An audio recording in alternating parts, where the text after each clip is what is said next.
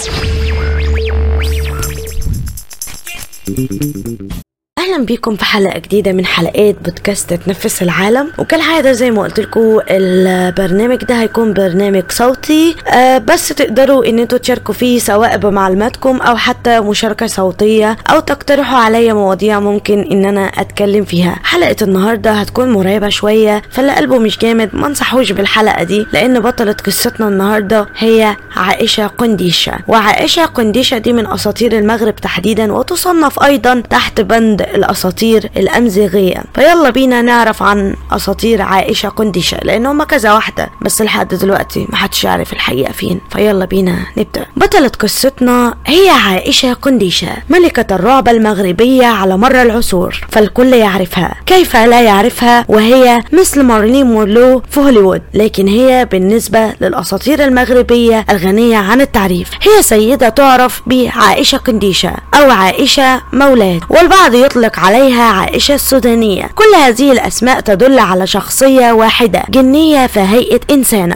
تظهر في الطرقات وفي المقابر وفي البيوت المهجورة. تشكلت عن بطلتنا عدد لا يحصى من القصص. طبعا ليست كلها حقيقية. نبدأ بأول قصة وهي أحد القبائل في المغرب. اجتمعت نساء القبيلة ليلا في وليمة أو كما يسميها الأمزيغ المعروف حيث تجتمع النساء في كل مناسبة للاحتفال. وكانت معهم سيدة غريبة ليست من أهل القبيلة لكن الأمر العادي في حضور الأغرب ليس غريب في القبيلة. كانت تلك السيدة تنظر إلى إحداهن بنظرات حادة يكسوها الشر.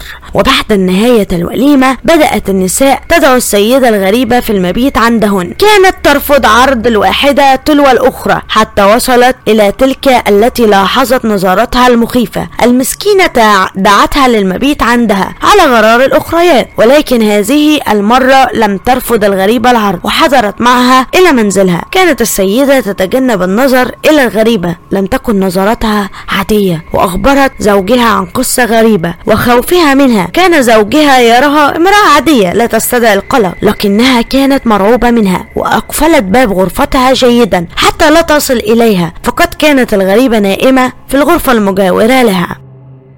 في الصباح وجد الزوج نقاط دماء في أرجاء المنزل. فقد اختفت الزوجة والسيدة الغريبة وبدأ أهل القبيلة يتحدثون عن عائشة قنديشة وكيف اختطفت تلك المرأة. في قصة تانية وهي بطلها كان سائق شاحنة الذي كان يقود شاحنة بينما الليل بدأ يكسو سواده والقمر يطل في الأفاق. لمح سيدة تشير بيدها توقف رجلا وساعدت المرأة إلى الشاحنة وطلبت منه إيصالها إلى أحد القرى القريبة. لم يشك الرجل في السيدة فقد كانت سيدة عادية جدا إلا إنها كانت تتكلم معه فكانت تبدو طاعنة في السن. لم يكسر لها كثيرا لكن قبل الوصول إلى وجهتها طلبت منه التوقف. استغرب السائق طلبها ولكنه توقف. نزلت المرأة واختفت في اتجاه كهف مهجور تحت ضوء القمر. انتشرت القصة بسرعة البرق وأطلق على الكهف كهف عائشة قنديشة. أما بالنسبة للقصة الثالثة فهي في بلدة أخرى حيث كان إمام المسجد عائدا إلى بيته كالعادة بعد صلاة العشاء ومر على مقبرة ومر على مقبرة من المقابر وكان ضوء القمر ينير القرية حتى سقط نظره على امرأة تلبس ملابس ممزقة اختفت في لمح البصر. عاد الإمام إلى بيته متسائلا عما رأت عينه ولم يمر وقت طويلا حتى توالت المشاهدات.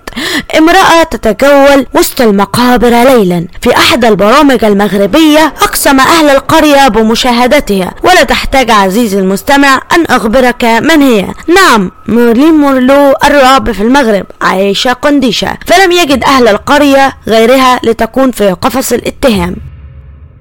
إنما القصة القادمة هي قديمة جدا ربما تعود إلى العشرينات تحكيها كثيرا الجدات كل يوم من سوق الأسبوعي فقد ذهب الرجال إلى التسوق وبقيت النساء تنتظر عودتهن لكن ليس كل الرجال فإحداهما لا يملك المال الكافي للتسوق. كان وحيدا وكئيبا في منزل أجداده القديم. في ذلك اليوم كانت قطة سوداء تزعجه بكثرة المواء. صرخ الرجل في وجهها وقال لها اذهبي عند المتسوقين فأنا لا أملك شيئا. رحلت القطة ولكنها عادت سريعا في هيئة امرأة. ومعها بضائع من السوق. وطلبت من الزوج وهددته في قتله إن أخبر أحدهم. ولكنه فعل وأخبر البعض عن قصته مع القطة. لم تغفر له القطة لم تغفر القطة لزوجها فعلته فقد خان عهد القطط وفي يوم ممطر سمع الناس صراخ وطلب النجدة كانت سيدة غريبة تتعارك مع رجل. قد مزقت المسكينة إربا واختفت. ومنذ ذلك اليوم يتداول الناس قصة على إن عائشة قنديشة هي من قتلته فهي امرأة غريبة ومخيفة.